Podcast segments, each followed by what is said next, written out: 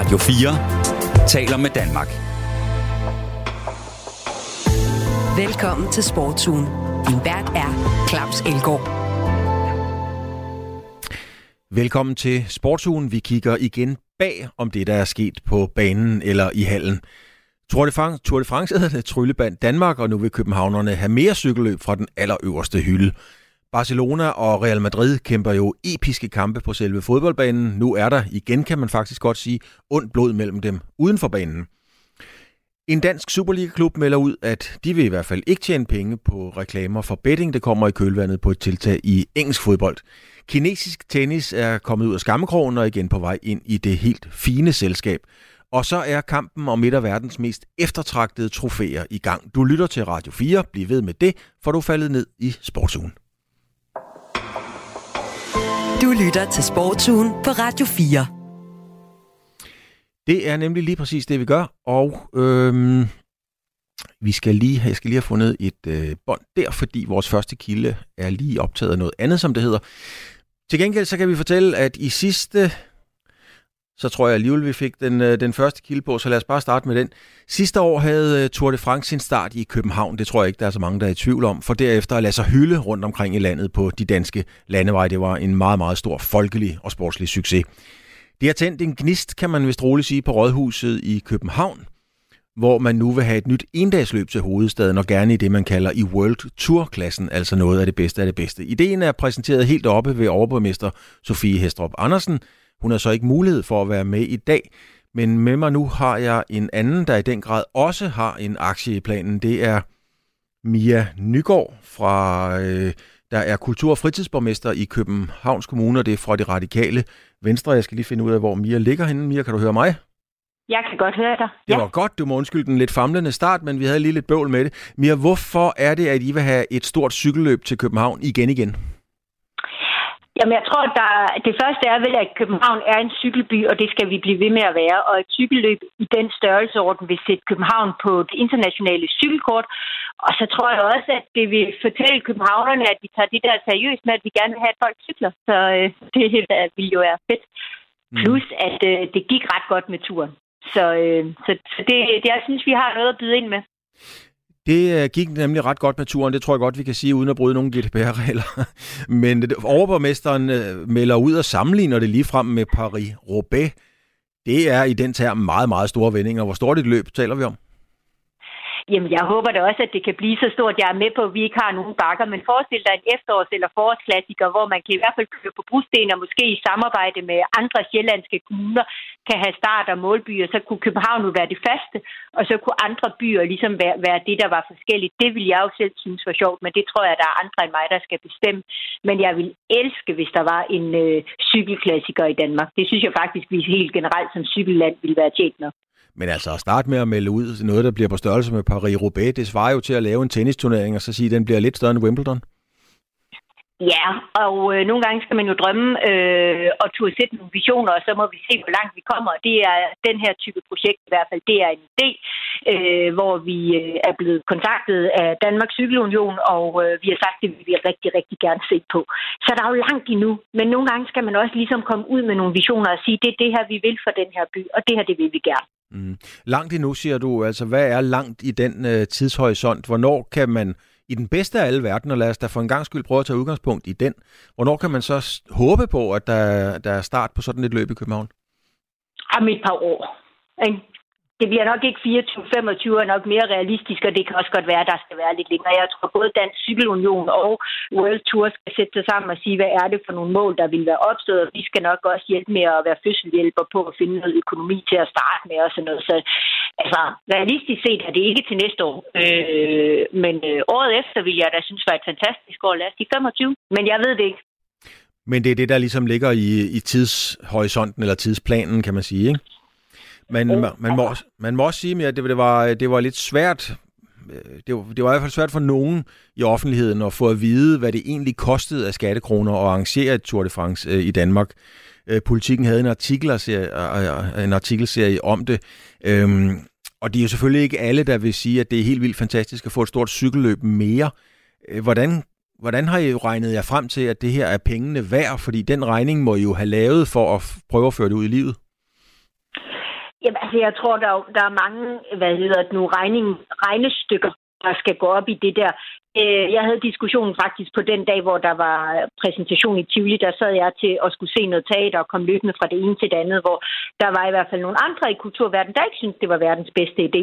Og det er jo svært at stå og sige, jamen så har det kostet øh, et 60 millionbeløb, men når du så kigger på, at øh, hvad hedder det, vi havde 1,6 millioner mennesker, der fulgte øh, ruten, og der var 600.000 enkeltstart i København, plus alt den branding af København, det har givet ud omkring, så tror jeg faktisk ikke, at, øh, at du ville kunne, kunne lægge sammen og sige krone for krone. Vi giver rigtig meget kulturstøtte øh, i et land som Danmark. Det synes jeg, vi skal. Jeg synes, kultur- og fritidsstøtte, hvis vi så må kalde det det, øh, det både kan være øh, cykelløb, og det kan også være kunst. Så, så på den måde, så tror jeg, at, øh, at det er godt at prøve at få et cykelløb til. Det er ikke det samme som at sige, at vi ikke også skal prøve at få store kunstbegivenheder og andet til. Men nu var der nogen, der henvendte sig nogen, der havde en idé. Vi er et af verdens sådan førende cykelnationer. Hvorfor skulle vi ikke også prøve at sige, at vi der også kan få et på Roubaix øh, bastogne løb Noget, som virkelig sætter Danmark som cykelland på landkortet, det vil jeg faktisk synes som kultur- og fritidsborgmester for København vil være ret fornemt.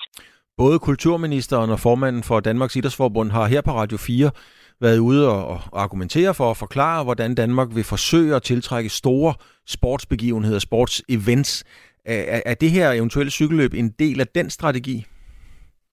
Ja, uden at det har været planlagt, så vil det jo være det. Alle store events ind i det der vil jo være det. Og der tror jeg, det er vigtigt, som jeg også sagde, det der med, det kunne være fedt, hvis det kørte sammen med andre sjællandske byer, hvis der var ruter, der sådan ligesom gav mening i det. Mm. Øh, og det der med, at det både er for mænd og kvinder, jeg tror, der er rigtig mange af de her ting, jeg synes, vi kan tage ind i, som jeg synes er, er utrolig interessant. Skal der også andre ting end cykelløb til? Ja, det skal der da, men, men altså, selvfølgelig vil det være en del af en event at sige, at vi vil gerne have vi er gode til logistik, vi er gode til at øh, arrangere, hvad hedder det nu, store events. Det har vi vist med Euro 2020 i 21. Øh, fodbold, det har vi vist med, hvad hedder det nu, øh, Tour de France så glippede det, at vi fik øh, EM til, til fodbold i kvinder, men øh, det er jeg sikker på, at vi gerne vil byde på igen, hvis muligheden byder sig. Altså, vi kan noget, og det skal vi være stolte af, og øh, det skal vi selvfølgelig også tiltrække. Tak skal du have. Mia Nygaard, du er fra de radikale venstre, så er du kultur- og fritidsborgmester i Københavns Kommune. Mia Nygaard, tak fordi du havde tid til at være med. Tak fordi jeg måtte. Du lytter til Radio 4. Bølgerne går af højt i Spanien, og hvis du har fulgt med i sportsugen, så ved du allerede nu, at FC Barcelona gennem en overrække har sendt en lang række betalinger til næstformanden i den spanske dommerforening, José Mara Enriquez Negrera, som han øh, retligt hedder. Øh, det kom frem tidligere i år og er så mistænkeligt, altså de transaktioner, at Barcelona lige nu efterforskes regulært for korruption. Sagen har fået det elgamle fjendskab mellem FC Barcelona og Real Madrid til at blusse op igen, øh, og det skete altså i denne her uge. Og nu er så Nikolaj Lisberg med, han er freelance journalist og bosat i Spanien, og forfatter til bogen Barcelonismo, tror jeg den skal hedde. Lisberg, øh, hvor står Negria-sagen lige nu? Ja, den står et eller andet sted, der hvor den også stod før. Altså, vi er ikke blevet så meget klogere, men, men det nye i den her sag var jo det her pressemøde, som Barcelona-præsident øh, Joan Laporta gav mandag, hvor han var ude og decideret frikende Barcelona og faktisk gå til modangreb. Han sagde, at det var Barcelona, der var offer for en smedekampagne, var det ord, han øh, brugte. Og så var det jo netop, at han gik til angreb og anklagede øh, ligapræsidenten Javi Tebas, og så selvfølgelig øh, Real Madrid, ærkefjenden over dem alle. Øh, så, så det er jo det, der ligesom er blevet tændt op under øh, den her øh, sag. Og så var der et, et enkelt punkt, jeg også lige vil fremhæve, det var, at han sagde, at de havde ikke overført penge til Negreda direkte, de har overført penge til hans søn, men de to er jo så har været ansat i samme virksomhed. Men har, øh, har øh, sagen stadigvæk den der rygende pistolagtige karakter, som vi godt kan lide at bruge den, det, det begreb i, i journalistikken? Er det stadigvæk en, en brandfarlig sag for Barcelona? Ja, det er det. Altså sådan, man kan sige, at, at UEFA er jo også gået ind i sagen, og det betyder jo, at der rent sportsligt nu kan komme nogle konsekvenser, øh, som i i yderste konsekvens skal betyde, at Barcelona bliver udelukket fra Champions League næste år. Det vil jo være en kæmpe katastrofe, fordi vi jo kender Barcelonas økonomi. Den er ikke særlig god, og derfor skulle de gå glip af de penge, jamen, så vil det være et, et kæmpe slag tilbage i hele den genrejsningsplan, der er blevet sat i værk siden i Barcelona. Øhm, så, så der er helt sikkert stadigvæk en, en smoking gun, og man er jo ikke blevet så meget klogere. Det, selvom de frikendte sig selv, så er det jo ikke det, efterforskerne er nået frem til. Så man venter stadigvæk på, at der ligesom skal komme noget klargørelse over, hvad Barcelona helt præcis har øh, forbrudt sig mod. Men hvad er Real Madrids øh, intentioner og motiver, kan man sige, til at gå ind i et, øh, i et face-off med Barcelona, fordi de har jo brug for hinanden. Det er jo hele narrativet, der er bygget på deres indætte rivalisering. Ja, og man kan sige, at den der rivalisering har jo måske været på sit laveste, eller ligget på sådan et vågeblus de seneste tre år, fordi Barcelona sådan rent sportsligt ikke kunne tro Real Madrid, men også fordi man havde nogle af de samme interesser. Øh, Real Madrid har jo også været i krig med Ligaforbundet, og ligesom Barcelona vil gå egne veje. Det er også de to klubber, der stadigvæk er tilbage i den der europæiske Superliga, som de forsøger at sparke gang i igen. Og så kan man sige, at Real Madrid holdte jo så sådan forholdsvis neutralt, indtil man så valgte at sætte sit navn på øh, det her anklageskrift, altså hvor man så blev en deltagende part. Og så kan man sige, at, at det har antændt noget i Barcelona, fordi det var det, Laporta, eller det, der faldt ham for brystet, det var, at han må sige, prøv at høre her, Barcelona har aldrig nogensinde fået hjælp, øh, fået hjælp af dommerne. Hvis der er én klub, der har gjort det de sidste 75 år, og stadigvæk gør det, så er det Real Madrid. Og så sagde han de her meget, meget berømte ord, allerede berømte ord, det er regimets hold, og det er jo det, der er faldt Real Madrid for brystet. Altså at begrebet udtrykket regimets hold, Ja, fordi det, det, det, det leder jo tilbage til tiden under Franco. En ikke særlig, øh, hvad skal man sige, øh, heldig tid for, for Spanien generelt, og en tid, der har sat store ar sådan rundt omkring. Og der er ikke nogen, øh, hverken sportshold eller andre, der i dag vil associeres med øh, øh, Franco, den tidligere diktator. Og historien har jo altid været, at Real Madrid fik nogle favorable kendelser under Frankos tid, fordi Franco var Real Madrid-fan.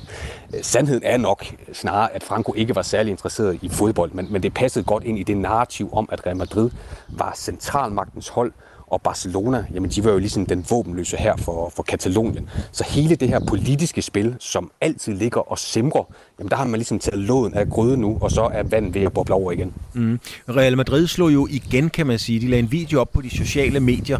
Hvad, hvad gik det ud på? Jamen det var jo netop det her med, at, at de, det faldt dem for brystet, at de blev kaldt regimetol. Og så var det jo, de sådan ligesom vel forsøgte at modbevise sig og sige, jamen hvis der er nogen, der var regimetol, så var det faktisk FC Barcelona. Og så fandt man nogle øh, gamle klip, hvor Franco havde været med til at, at indvige øh, det nye stadion i FC Barcelona. Man havde hils med den her fascist hilsen øh, osv. osv. Og, og det var jo klart, det var en video, den kom så hurtigt efter det her pressemøde for Johan Laporta, at jeg i hvert fald mistænker dem lidt for at have forberedt den her øh, på forhånd. Altså man vidste godt, der ville komme et eller andet fra Laporta, og så var man klar med et modsvar ret hurtigt. Og den video øh, har jo så fået en, en masse øh, omtale, og talskvinden for det katalanske parlament, altså vi er kommet op på et, et politisk niveau, et, et niveau, der ikke bare handler om sport, jamen hun har været ude og kræve, at den her video den bliver fjernet, at Real Madrid tager den ned, fordi den spreder simpelthen fake news, den fortæller en forkert historie, og den er øh, det, det er mangel på respekt over for de mange katalanere, der led under øh, Frankos diktatur. Når man angriber enten øh, FC Barcelona eller, eller Real Madrid, så angriber man jo også mange spaniers identitet, fordi de, de lever og ånder for den klub. Meget af deres DNA ligger i den klub, enten Barcelona eller Real Madrid. Er, er, det, er det sådan noget, der kan give optræk til uroligheder på gaden også? Nej, det tror jeg ikke, fordi at den her rivalitet har jo altid været der, så, så Real Madrid og FC Barcelona har jo altid været i en, hvad skal man sige, en, en kold krig, så at sige, på, på fodboldbanen. Øhm, og, og, og, godt nok er hende der talskvinde fra det katalanske parlament så forsøgt at ligesom hive det op på et politisk niveau, men vi er jo, vi er jo langt fra de scener, der var i 2017 for eksempel, hvor Katalonien skulle stemme om sin uafhængighed, og hvor der opstod nogle voldsomme scener med, med tumult og, og slagsmål. Altså det, det tror jeg simpelthen ikke på, og det er heller ikke det, vi har set i, i gadebilledet. Det, det virker til, at det fortsat er Øh, Real Madrid mod FC Barcelona rent sportsligt og ikke politisk. Og så skal man jo huske, at der er en ekstra fjende i den her ligning, og han hedder Javi Tebas, og ham er der ingen, der kan lide sig. Så det kan de jo trods alt enes om, de to klubber. Det kan de enes om. Nikolaj Lisberg, lige til sidst her. Øh, nu laver jeg en dødssynd i journalistikken, hvor man ellers øh, vinkler skarpt ind på et emne, og det har du gjort så flot her. Men øh, lytterne sidder derude og venter på, på spørgsmålet. Kommer ham der Messi til Barcelona igen? Hvor står den lige nu i øjebliksbilledet? Hvis du spørger mig lige nu og her øh, i optagende stund, så siger jeg, ja, jeg tror, det kommer til at, at ske, for jeg synes, det er taget til i, øh, i styrke i rygtepressen, så at sige, den spanske presse de seneste par dage. Øh, det seneste nyt er, at, at Barcelona er klar til at aktivere endnu en af de der famøse palancaer, sådan en økonomisk løftestang, hvor man sælger nogle fremtidige indtægter. Man kan sælge 24 procent af det, der hedder Barca Studios, og så kan man finansiere øh, det, Lionel Messi vil koste i løn. Man har også allerede vurderet fra, fra spanske aviser, at Lionel Messi i Barcelona kunne øge Barcelonas samlede indtægt med omkring, omkring 25 procent. Så der er så mange skriverier om det lige nu og her, så jeg hælder til, at Messi vender tilbage og spiller i Barcelona, når den nye sæson går i gang. Og det kommer vi til at følge op på. Tak til dig, Nikolaj Lisberg, freelance journalist bosat i Spanien og forfatter til bogen. Den kan jo anbefales. Barcelonismo. Tak skal du have, øh, Nikolaj, fordi du kunne være med. Selv tak. Radio 4 taler med Danmark. I sidste uge meddelte verdens største fodboldliga, det er Premier League i England, ud, at de forbyder reklamer for spilvirksomheder forrest på spillertrøjen øh, fra med 2026. Det er en beslutning, som Premier League-klubberne skulle nå til enighed om, og det lykkedes altså, fordi de nåede til enighed. I Danmark kan Superliga-klubberne reklamere, reklamere for spil, lige så tosset de ved, og der er efter sine ikke noget lignende tiltag på vej herhjemme, som det man har set i England. Men i Silkeborg har de taget en aktiv beslutning om ikke at have såkaldte bettingpartnere. Superliga-klubben vil nemlig ikke gå aktivt ud og opfordre folk til at spille eller gamble. Det kan du høre Kent Madsen, han er direktør i Silkeborg IF, fortælle i det interview, der kommer nu. Niklas Stein har talt med Kent Madsen om spilvirksomheder og fodboldsponsorater, og han spurgte indledningsvis Kent Madsen, om han synes, at Superligaen bør gøre det samme, som Premier League har gjort, altså at droppe spilreklamer forrest på trøjen. Det, det er et spørgsmål, som vores brancheforening, øh, divisionsforening, bestyrelse og ledelse øh, håndterer. Så det, det vil jeg ikke øh, kommentere yderligere på. Altså, jeg har holdninger til, hvordan vi gør det i Silkeborg, men, men, men det generelle og hvordan man gør det på tværs, det, det har jeg ingen kommentar til. Og vi har her i programmet selvfølgelig spurgt Divisionsforeningen, om de har lyst til at stille op og svare på de her spørgsmål. Det var desværre ikke muligt at få øh, Divisionsforeningens direktør Claus Thomsen øh, med i dag. Han havde ikke mulighed for at være med. Øh, det er bare lige en service øh, til lytterne. Men altså, hvis vi så kigger på øh, den klub, du er direktør i, øh, Kent Madsen, altså Silkeborg IF. Øh, I har mig bekendt ikke en spilvirksomhed i jeres portefølje af sponsorer øh, lige nu.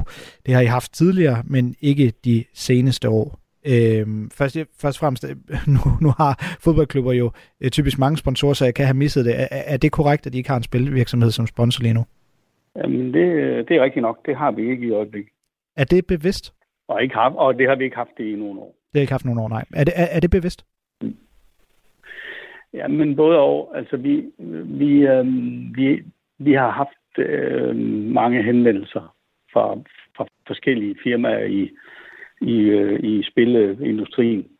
Men de, øh, de aftaler, de ønsker at lave med en klub som vores, er jo at være bettingpartner. Og Det er typisk aftaler, eller de i hvert fald vi har været præsenteret for, det er aftaler, hvor, hvor vi mere eller mindre direkte skal deltage i at stimulere, at øh, tilhængere i Silkeborg, de, øh, de øh, spiller, og det ønsker vi ikke, og vi, og vi ønsker heller ikke at have en økonomisk incitament til det.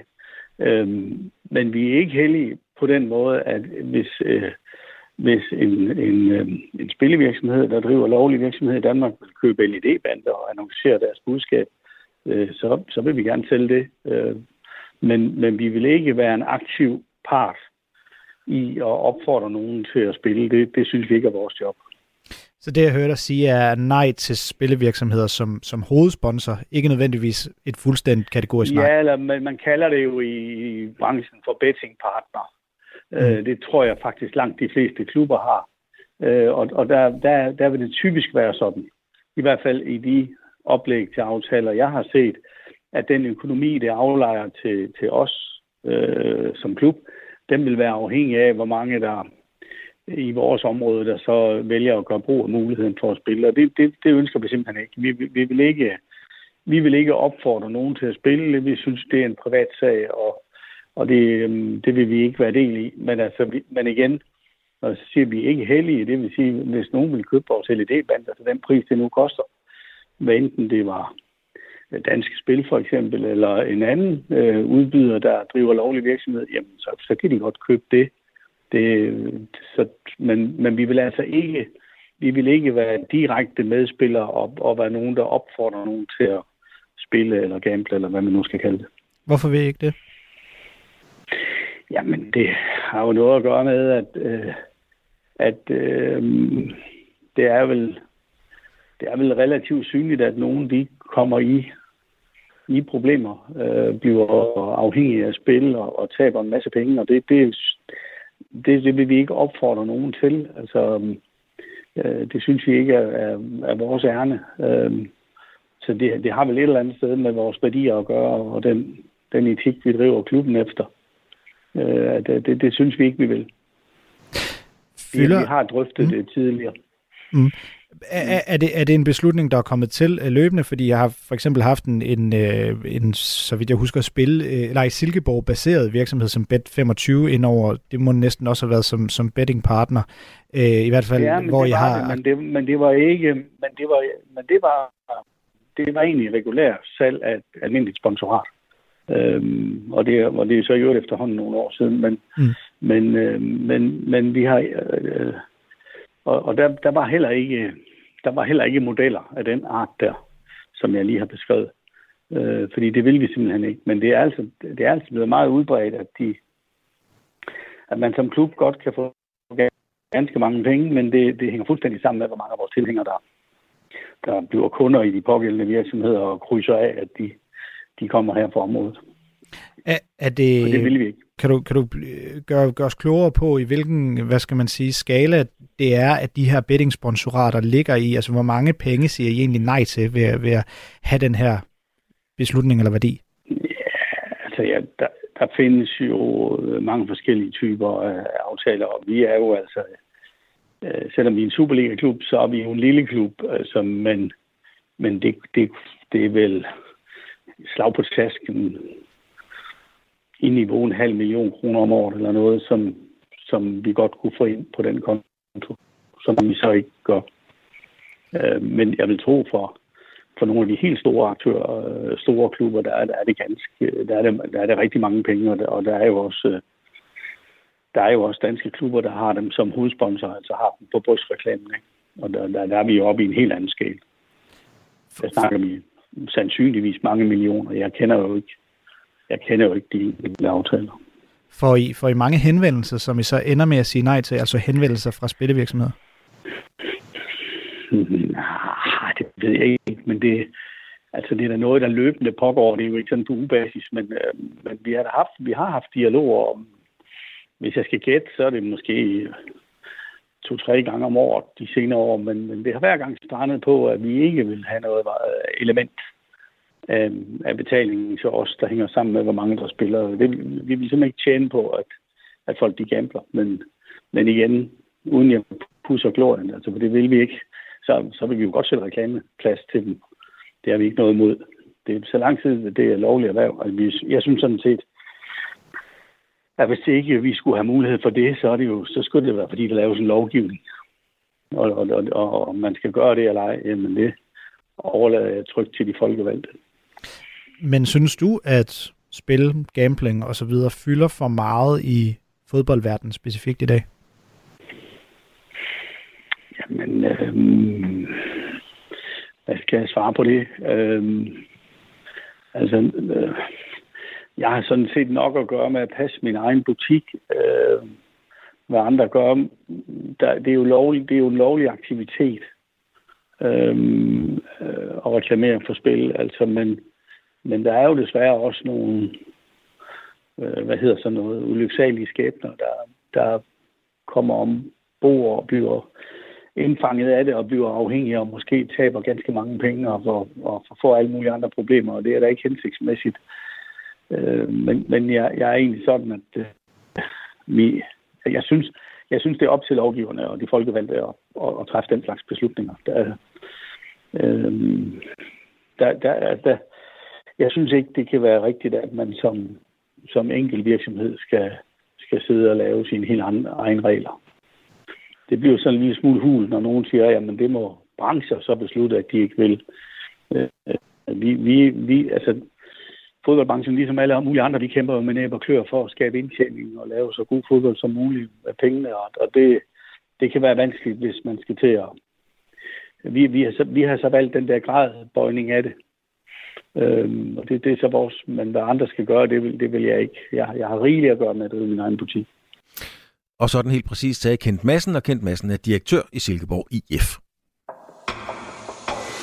Du lytter til Sportsugen på Radio 4. De blev hyldet for deres standhaftighed og konsekvens, da den største organisation for kvindetennis WTA i 2021 valgte at boykotte Kina. Og det gjorde de, fordi den tidligere storspiller fra Kina, Peng Shui, forsvandt fra offentligheden under mystiske omstændigheder, kort efter at hun havde anklaget en kinesisk topdiplomat for et seksuelt overgreb.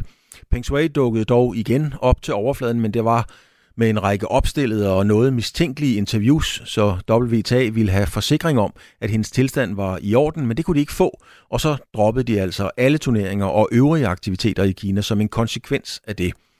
Men den boykot ryger nu i vasken, og WTA vender tilbage til Kina, og det sker på trods af, at der officielt i hvert fald ikke er noget nyt i sagen om Peng Shui. Nu er så Thomas Königsfeldt med. Han er næstformand i Dansk Tennisforbund, som vi også havde med om sagen i 2021, hvor Dansk Tennisforbund bakkede op om WTA's beslutning om at droppe Kina. Thomas Königsfeldt sidder også i ITF, Davis Cup, Billie Jean King, Billie Jean King Cup uh, Task Force. Et svært ord at sige, Königsfeldt, men du er hos os nu. Hvad synes ja. I i Dansk Tennisforbund om, at WTA nu er tilbage og genoptager aktiviteten i Kina? Uh, ja, først tak, fordi du, uh, du ville have mig med, og at du tager det her emne op, fordi der har været lidt tavs om det. Så det er da fint, at det, det bliver bragt, uh, bragt til tors igen.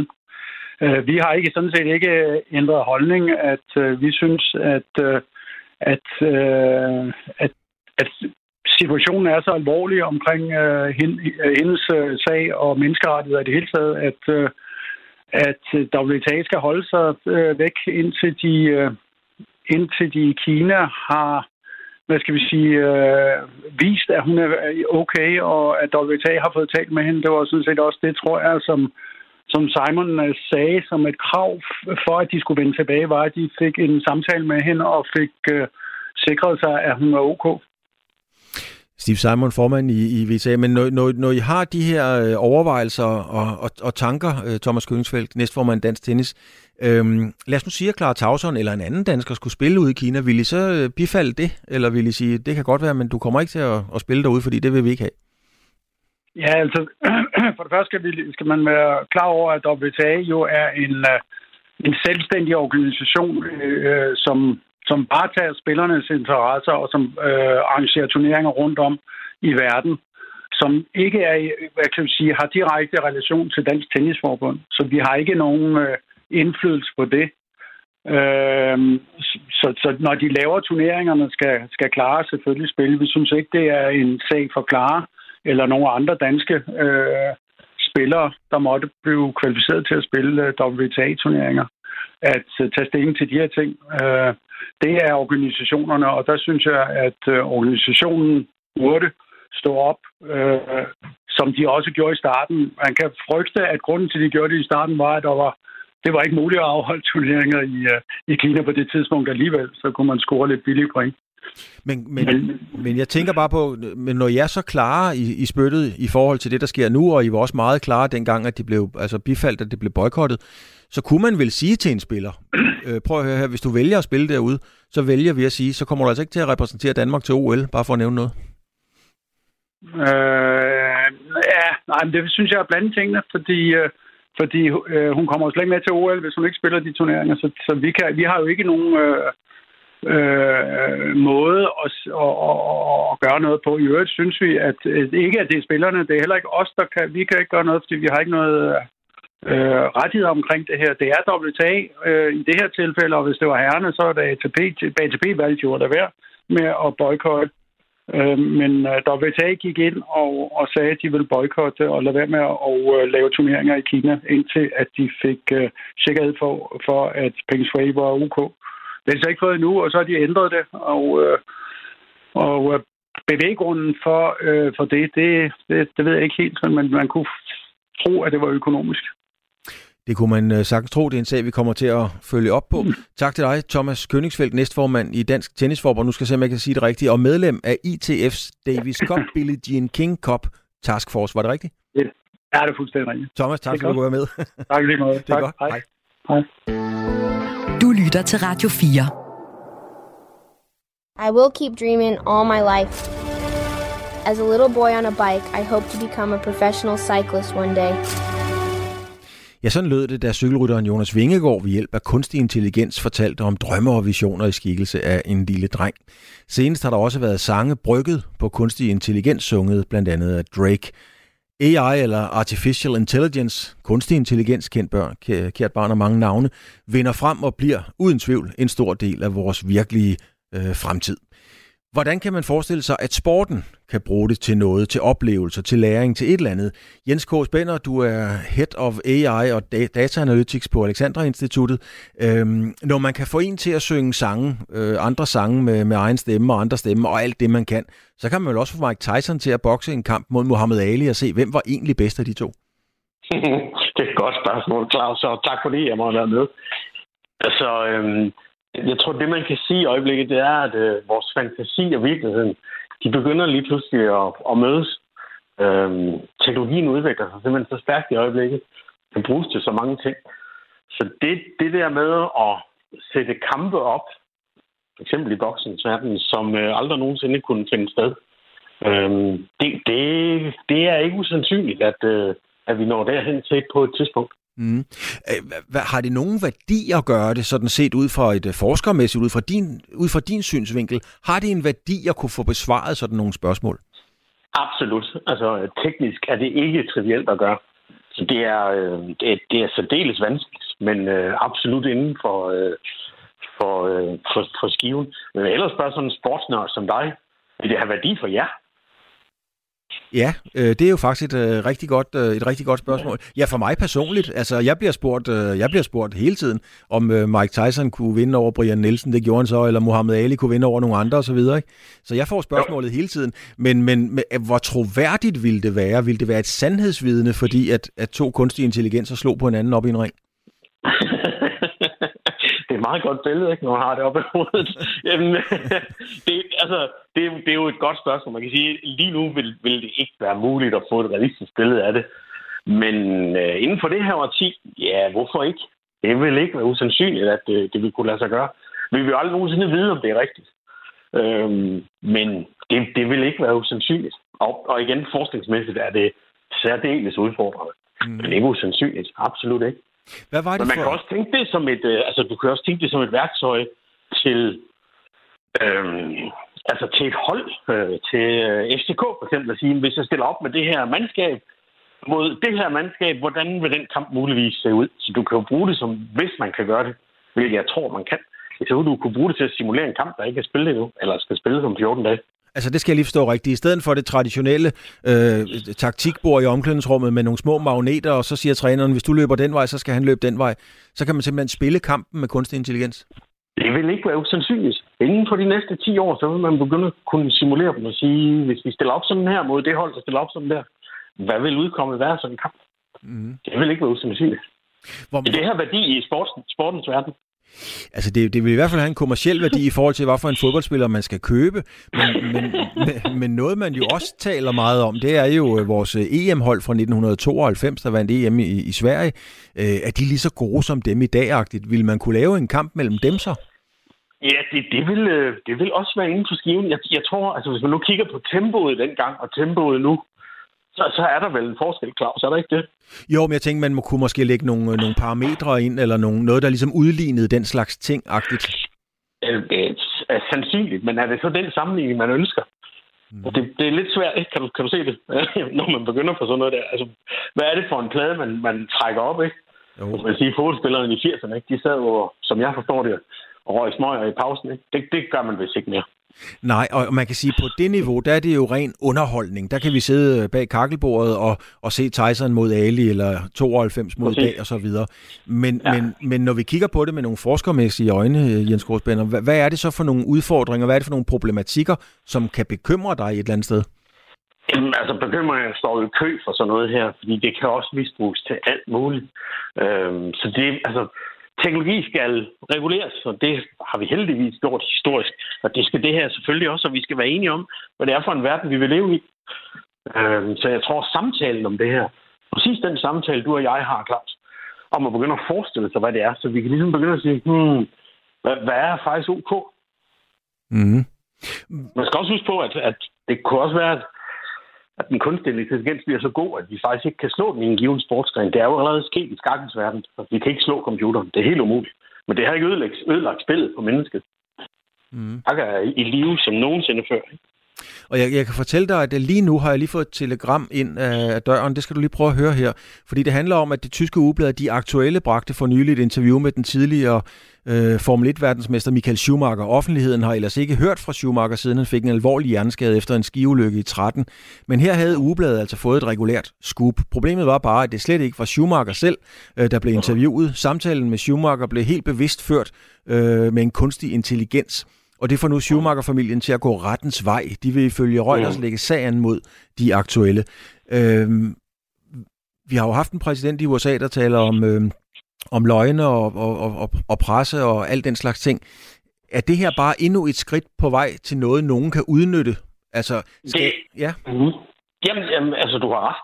Altså selvfølgelig kan teknologi øh, udnyttes, øh, som ikke er til gavn for os. Altså, jeg plejer gerne at have et eksempel på, hvis jeg står med en hammer i hånden, og ved at banke søm i, så er det jo et ret godt redskab at have. Hvis jeg står en hammer i hånden og står over for dig, så er det jo et morvåben. Men vi skal være enige om, hvad vi bruger sådan noget her til. Så igen, den samtale, vi to har, Claus, den samtale, vi har det offentlige, er super vigtig. Så vi alle sammen forstår, hvor vi er på vej hen, og bliver enige om, hvad det er, vi vil. Hvordan har du det som forsker og udvikler og konsulent, og altså alt det, som du vil og I på instituttet vil blive involveret i omkring det her.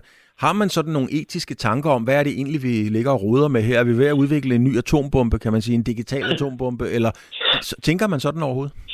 Absolut. Absolut. Rolig nu. Altså, rolig. Vi er der ikke endnu. Men absolut. Det, det indgår altid i vores overvejelser, når vi øh, er ude og hjælpe virksomheder med at bruge den her teknologi. Så det er et, et helt hjørnesten i det, vi gør. Så den samtale har vi altid med de virksomheder, vi, øh, vi arbejder sammen med. Tak skal du have, Jens Korsbender. Du er Head of uh, AI og Data Analytics på Alexandra Instituttet. Meget interessant, og det er noget, vi kommer til at vende tilbage til rigtig mange gange, og jeg glæder mig allerede. Tak fordi du kunne være med. Tak fordi I måtte. Radio 4 taler med Danmark. I den her uge meddelte fodboldklubben AS Roma, at de fyrede deres administrerende direktør. Man ved ikke, hvorfor han blev fyret, men ind kom i stedet den unge kvinde, Lina Solokolo, øh, som, øh, og det springer i øjnene, fordi det er i den grad sjældent, at en kvinde øh, får en toppost i europæisk fodbold, og det er også øh, sjældent i Danmark i øvrigt. Og det er ellers i en tid, hvor at der så at sige, hvor det så at sige meget normale eller almindelige erhvervsliv, de taler meget om, der skal kvinder ind, og meget stor fokus på diversitet øh, på bestyrelsesgangene. Men det er altså ikke slået igennem, i hvert fald ikke i fodboldverdenen, ikke endnu i hvert fald. Og derfor ringede min kollega Niklas Stein tidligere i dag til en af de få kvinder, der rent faktisk har siddet på flere topposter i dansk fodbold, og det er Katja Mosgaard. Hun har været kommersiel direktør i både DBU, altså Dansk Boldspilunion, og Parken Sport og Entertainment, og sidder i dag i bestyrelsen i AGF. Og Niklas Stein startede med at spørge Katja Mosgaard, om der overhovedet er behov for flere kvinder på topposter i europæisk fodbold. Jamen, det synes jeg er klart, der er. Øh, I dag er der ikke ret mange, der besidder øh, topposter, øh, og derfor så synes jeg, det er øh, vigtigt, at vi får flere kvinder, øh, eller mere diversitet i det hele taget ind i topposterne i europæisk fodbold, så vi fremover kan få taget nogle mere øh, diverse beslutninger, om jeg så må sige. Nu snakker vi jo, nu tænker jeg, at vi snakker på tværs af, af, af Europa, men hvis vi også lige hurtigt skal, skal kigge på billedet i Danmark, hvordan synes du så, det ser specifikt ud i Danmark? Er vi foran eller på linje med Europa? Jeg synes ikke, vi er foran. Øh, jeg vil nok vurdere, sådan samlet set er vi nok på linje med Europa. Jeg synes, det er et område, som der er opmærksomhed omkring. Så, så, så det, den, den rus skal øh, øh, øh, fodboldverdenen dog have, men vi er, vi er ikke øh, forrest på nogen måde. Det er, det er der nok andre, der, der må tage den førerposition. Godt så. Så jeg, så jeg kan høre, at du synes, der, øh, der bør blive gjort noget både i Danmark og, og i resten af Europa på det her punkt. Så, ja. så hvad skal gøres, og hvordan skal man ændre på det her? Altså, man, må, man kan jo starte med at, at kigge ud af og se, hvad der foregår i, øh, i, i verden omkring os, i samfundet omkring os, og i de øh, virksomheder, som jo har øh, diversitet og kønsbalance og ligestilling og mangfoldighed på agendaen i, i en grad, som måske ikke er oplevet tidligere. Så der er sket rigtig meget de sidste øh, fem år i, øh, i verden omkring os, og derfor mener jeg også, at man skal kigge, øh, lade sig spejle af det samfund, man er en del af, og så øh, få etableret nogle, nogle processer for, hvordan man kan få et mere mangfoldigt beslutningsniveau rundt omkring i, øh, i de komitéer og udvalg og bestyrelser og måske også i virkeligheden ledelser, der er i dansk fodbold. Hvad, Jeg tror, det kræver en særlig indsats. Mm. Ja, ja, hvad er vi egentlig ude i her? Altså, er vi ude i noget, noget større og mere, skal vi kalde det fluffigt, som, som kulturændringer og, og nogle processer, der skal ændres ved? Eller er vi inde i, at der skal laves noget meget konkret, som, som øh, kønskvoter, for nu at tage det, det, mest, det, der plejer at være mest omdiskuteret? Ja, altså kønskvoter kan være nødvendige. Det er ikke altid, øh, det, det, det er måske ikke altid det bedste, men det kan være nødvendigt. Kvoterne er jo vigtige på på ledelseslaget. Altså man kan sige, der sidder en kvinde i bestyrelsen i, i DBU i dag, øh, og der har man syv medlemmer. Tidligere havde man jo 16 medlemmer, der sad stadig kun en kvinde. Så det er jo ikke et spørgsmål om, hvor mange der sidder. Det er nok mere et spørgsmål om at sikre, at man får den diversitet ind.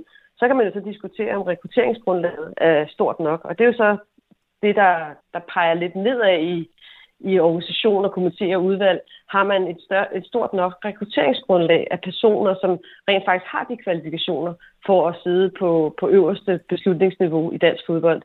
Og det, øh, der har man også en stor opgave.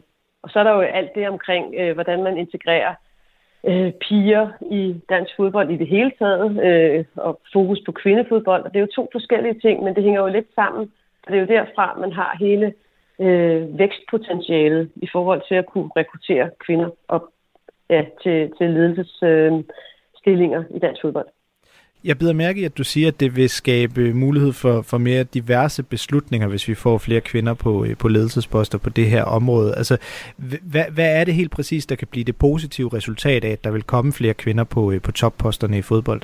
For det første, så ved man fra erhvervslivet, at hvis der er øh, flere kvinder omkring øh, beslutnings øh, bordet, så bliver der også taget nogle bedre beslutninger, og man får nogle bedre resultater. Det viser forskning, og det er jeg ret sikker på, at det også er gældende for, for fodbold.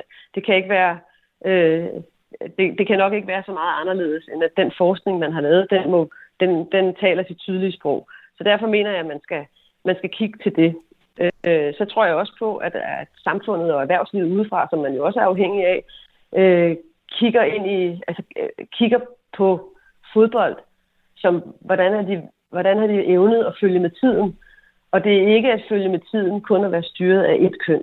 Så derfor bliver man nødt til at spejle det samfund og det erhvervsliv, som man også er afhængig af. Men har fodbold ikke også i lang tid været af mænd til mænd? Er det ikke, et, er det ikke på den måde, altså det er, jo, det, er jo, det er jo mænd, der sidder på flæsket i forhold til øh, mandefodboldklubberne og økonomien og så videre, også på mange måder dem, der har genereret den økonomi, så, så er det ikke også på mange måder en naturlig udvikling, at det er, som det er? Det er i hvert fald en, øh, det, det, det er nok mere sådan det organiske øh, er, er opstået, fordi fodbold er for mænd, fodbold er skabt af mænd, fodbold, øh, eller man kan sige, fodbold var for mænd, øh, selvom kvindefodbold faktisk har eksisteret rigtig, rigtig mange år. Men det er så vigtigt at adskille selve idrætten fra ledelsen, fordi en dygtig ledelse ved godt, at der skal flere øh, kvinder omkring bordet for at tage de bedste beslutninger. Og specielt i en idræt eller en sport som fodbold, hvor, som, som er dyrket af begge køn. Det er bare historisk og helt sådan strukturelt øh, meget, meget, meget mandsdomineret. Og hele styrken har ligget i, øh, i herrefodbolden, og økonomien er i herrefodbolden. Så det er, det er meget vanskeligt for kvinder at komme ind. Man har en tendens til at sidestille kvindefodbold med kvinder. Det vil sige, når man så har øh, indsatser omkring kvindefodbold, så sidder der en hel del kvinder og lidt færre mænd. Og så sidder der rigtig mange mænd og beslutter alt andet også i det lidt tungere udvalg, og der, hvor beslutningerne virkelig bliver taget. Og det er det, der er hele udfordringen. Hvordan sikrer man at få flere kvinder med, også i de betydningsfulde, øh, på de betydningsfulde poster? Det her emne, kan man sige, stod en, øh, en ret stor test for, for bare øh, et øh, par uger siden, hvor vi så, at den, den norske øh, fodboldpræsident Lise Klavenes, hun stillede op til, øh, til den her meget magtfulde UEFA Executive Committee, altså bestyrelsen i øh, den europæiske fodboldorganisation øh, UEFA. Øh, og hun stillede med vilje op i den åbne kategori, og ville ikke have den kvoteplads, som der er øh, til, til en kvinde i, i den bestyrelse. Men hun var jo også ude, inden hun stillede op til den her plads, og sagde, at hun, øh, hun, hun hun simpelthen synes, der skal være flere kvinder på øh, topposterne i europæisk fodbold, og det er netop derfor, hun stillede op.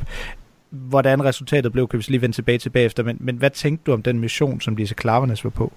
Jeg synes, det er modigt og, og godt og stærkt af hende at gå forrest. Det, det, det synes jeg, hun, hun gør, og det har, har jo skabt den opmærksomhed, som, som gør, at vi to vi taler sammen nu, og at øh, man har fået øh, pirket til, til det etablerede øh, UEFA, og man hører jo også, at Jesper Møller går ud, da han bliver valgt med næstflest stemmer, og, og sige, at kvindefodbold øh, er, er øverst på, på øh, et, af de punkter, der i hvert fald er øverst på hans agenda. Og igen, kvindefodbold og ledelser i fodbold er ikke det samme og skal ikke sidestilles. Men jeg synes, hun har gjort en, øh, en stor indsats for at gå forrest med sin tale på FIFA-kongressen og i øvrigt, øh, øh, ja, de, de meldinger, hun har været. Så kan man diskutere, om hun har været politisk smart nok i forhold til selv at blive valgt ind. Det er jo ikke sikkert, at hun... Øh, øh, eller ja, måske ved, vidste hun godt, at det kunne være svært at blive valgt ind, og hun siger jo også med det samme, da hun ikke, da hun ikke blev valgt ind, at, hun, øh, at det her det var bare starten, og hun arbejder videre for at blive valgt ind. Og det er i hvert fald meget tydeligt, at hun vælger at sige, at hun skal ind på, den, på det åbne mandat. Og det er jo for at sætte øh, fokus på, at det er svært at komme ind, tror jeg. Men hun endte jo så netop med ikke at blive stemt ind, øh, faktisk langt fra. Hun fik 18 ud af 55 øh, stemmer, og øh, man skulle altså have 28 stemmer, altså et overtal for at øh, komme ind. Hun fik næst færrest øh, stemmer af alle dem, der stillede op. Altså, hvad, hvad, hvad tænker du så om, at det ikke lykkedes, og måske også for det signal, som, som stemmeafgivningen også på en eller anden måde sendte? Jeg synes, det, jeg synes, det er ærgerligt, og øh, jeg, jeg tænker måske, at hendes politik ikke har været stærk nok, fordi så har hun måske nok fået flere end næstfærre stemmer. Øhm, det, det, det er i hvert fald de overvejelser, jeg har gjort mig efterfølgende, om hun har formået at få samlet øh, folk omkring sig. Øh, det handler det jo også om i politik, og især i fodboldpolitik. Og det vil jeg mene, at man godt kan gøre også som, som kvinde. Der er mange om øh, der er mange om budet i forhold til at få de poster, og det er nogle attraktive poster. Øh, og jeg tror måske, hendes, øh, hendes, hendes, der er noget med hendes timing, og der er noget med hendes politik, og så har jeg bare også, og samtidig er jeg fuld af respekt for det, hun gør. Og sådan sagde altså Katja Mosgaard, der har været kommersiel direktør både i DBU og Parken Sport og Entertainment, og som i dag sidder i bestyrelsen i AGF. Jeg kan også lige fortælle, at en optælling viser, at kun 5 ud af 12 Superliga-klubber i Danmark har en kvinde i bestyrelsen, og ingen klubber har i øvrigt en, mere end én kvinde i bestyrelsen. Til gengæld så er der en, kun én dansk klub, der har en kvinde i direktionen, og det er FC Nordsjælland, hvor direktøren hedder Trine Hesselund Hop Møller. Radio 4 taler med Danmark. Jagten på et af sportens største og mest eftertragtede trofæer er gået ind. Stanley Cup-trofæet er noget af det ypperste, og det overrækkes til det hold i den nordamerikanske ishockeyliga, der vinder turneringen, også kendt som NHL. Man er i gang med de såkaldte play-off-kampe, og det er med flere danskere, der skal på isen. Lars Eller og Colorado Avalanche skal mødes Seattle Kraken, og der er Oliver Bjørkstrand øh, med på holdet. Også Nikolaj Elers, der spiller for Winnipeg Jets, er klar til playoff, og de skal møde Vegas Golden Knights øh, som har danske Jonas Rønberg med på lønningslisten. Frederik Andersen og Carolina Hurricanes skal på isen, og de skal mod øh, New York Islanders. Mange navne, mange, øh, mange klubber. En, der ved meget om det her, det er dig, Michael Søvsø. Du er freelance-journalist, redaktør på Metalligaen.dk og ikke mindst forfatter til bogen Danskerne i NHL, en liga for sig. Allerførst, Michael, øh, det her legendariske trofæ, Stanley Cup-trofæet, hvad er historien bag det? Jamen, øh, vi er jo tilbage helt øh, tilbage i 1893, hvor øh, den britiske øh, guvernør i Kanada, øh, Frederick Stanley, han havde set nogle ishockeykampe i Kanada, og så øh, begyndte hans sønner at, at, at dyrke sporten med, med, med stor begejstring. Og så, øh, og så fortæller øh, anekdoten, at de to sønner, de overtalte Lord Stanley øh, til at bestille et, øh, et, et trofæ over i Storbritannien, som skulle gives til det bedste ishockeyhold i, i Canada. Og det, og det lykkedes så, og, øh, og så tog man det her trofæ over, den her skål, og, øh, og det er jo øh, Nordamerikas øh, ældste sportstrofæ i, i professionel regi, så, så derfor er det omgivet af meget stor, øh, meget stor mystik og meget stor, øh, hvad skal man sige, øh, autenticitet. Altså, øh, man skal bare have været i nærheden af det her trofæ. Øh, det har jeg været nogle gange øh, for, for at finde ud af, hvor, hvor stort det egentlig er, det her, den her Stanley Cup-pokal. Jeg synes, det er den mest øh, legendariske pokal i, i sport, og den har også en, en speciel status. Det kan man ikke andet end at bare sige ja til. Og hvor stor er chancen så for, at en dansker kommer til at løfte det her trofæ i år? Ja, den er lille jo, kan man sige, fordi at, øh, der har været mange, mange skud øh, i, i bøssen, øh, og kun Lars Eller har taget den i, i 2018. Men, ja, men jeg synes, at øh, for eksempel Lars har øh, en, en god mulighed. Han spiller for de forsvarende mestre Colorado. Øh, godt nok er de bagud noget lidt mod Seattle, men jeg holder stadigvæk Colorado som, øh, som favorit mod, mod Oliver Bjørkstrands hold.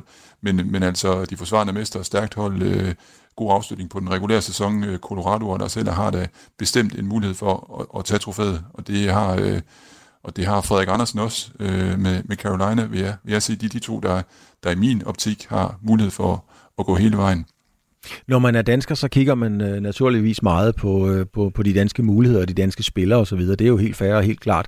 Men altså, der er jo altså også et kæmpe brag, der hedder, øh, det, er jo, det er vel Hudson River Rivalry. Det er mellem øh, New Jersey Devils og New York Rangers. Altså, det svarer vel nærmest til, at Real Madrid og Barcelona skal spille i baghaven. Øh, hvordan ser man frem til sådan et opgør?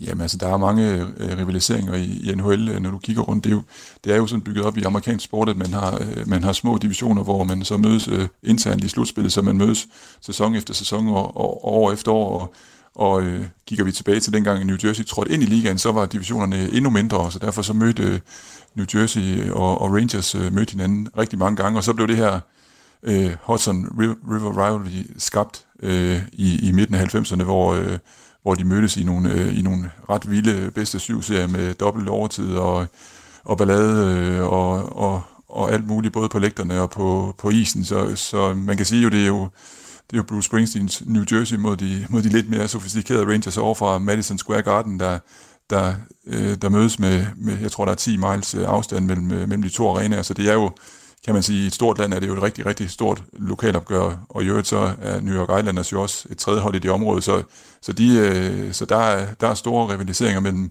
mellem, de, mellem de tre hold, og, og specielt mellem Rangers og, og New Jersey. Altså ligesom vi kender fra fodbold, hvor man kan sige, at nogle klubber kan man vil sige, sådan siger man, om det er sådan en overklasseklub, det er det bedre stillede borgerskab, der, der støtter dem, og så er der altså, klassiske arbejderklubber fra Rortestriktet i Tyskland osv. Er der også de undertoner, når, når, når, når Devils og Rangers de mødes?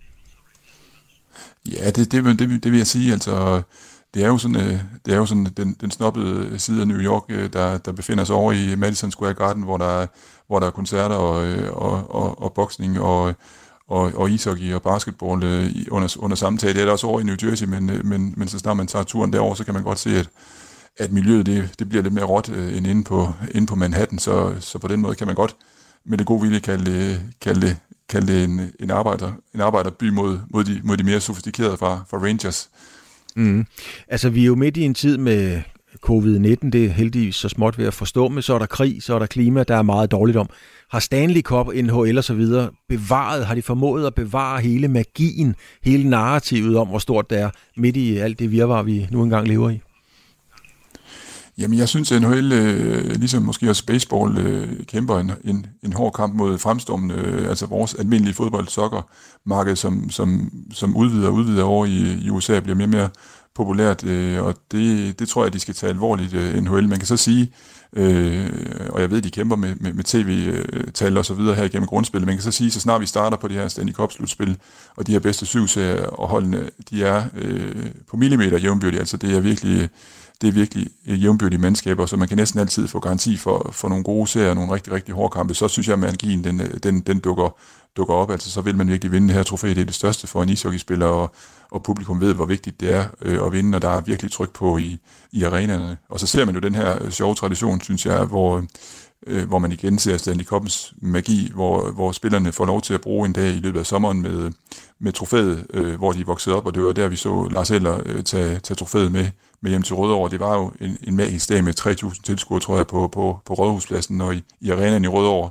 øh, som bare vil røre og se ved det her trofæ og, og lykkeønske Lars Eller. Så, så der er en kæmpe magi, når først slutspillet kommer i gang, og den er ikke øh, forandret af, af, af covid-19 eller, eller andre ting. Og du har lige øh, så de sidste 15 sekunder, fordi vi skal lige udråbe en, en favorit. Hvem i din optik er favorit til at løfte trofæet? Det er nok øh, Colorado, øh, vil jeg sige, umiddelbart, og, og Lars Eller kunne, kunne, kunne være et rigtig godt bud. Tak skal du have, fordi du havde mulighed for at være også, med. Og så måske også Carolina med Frederik Andersen.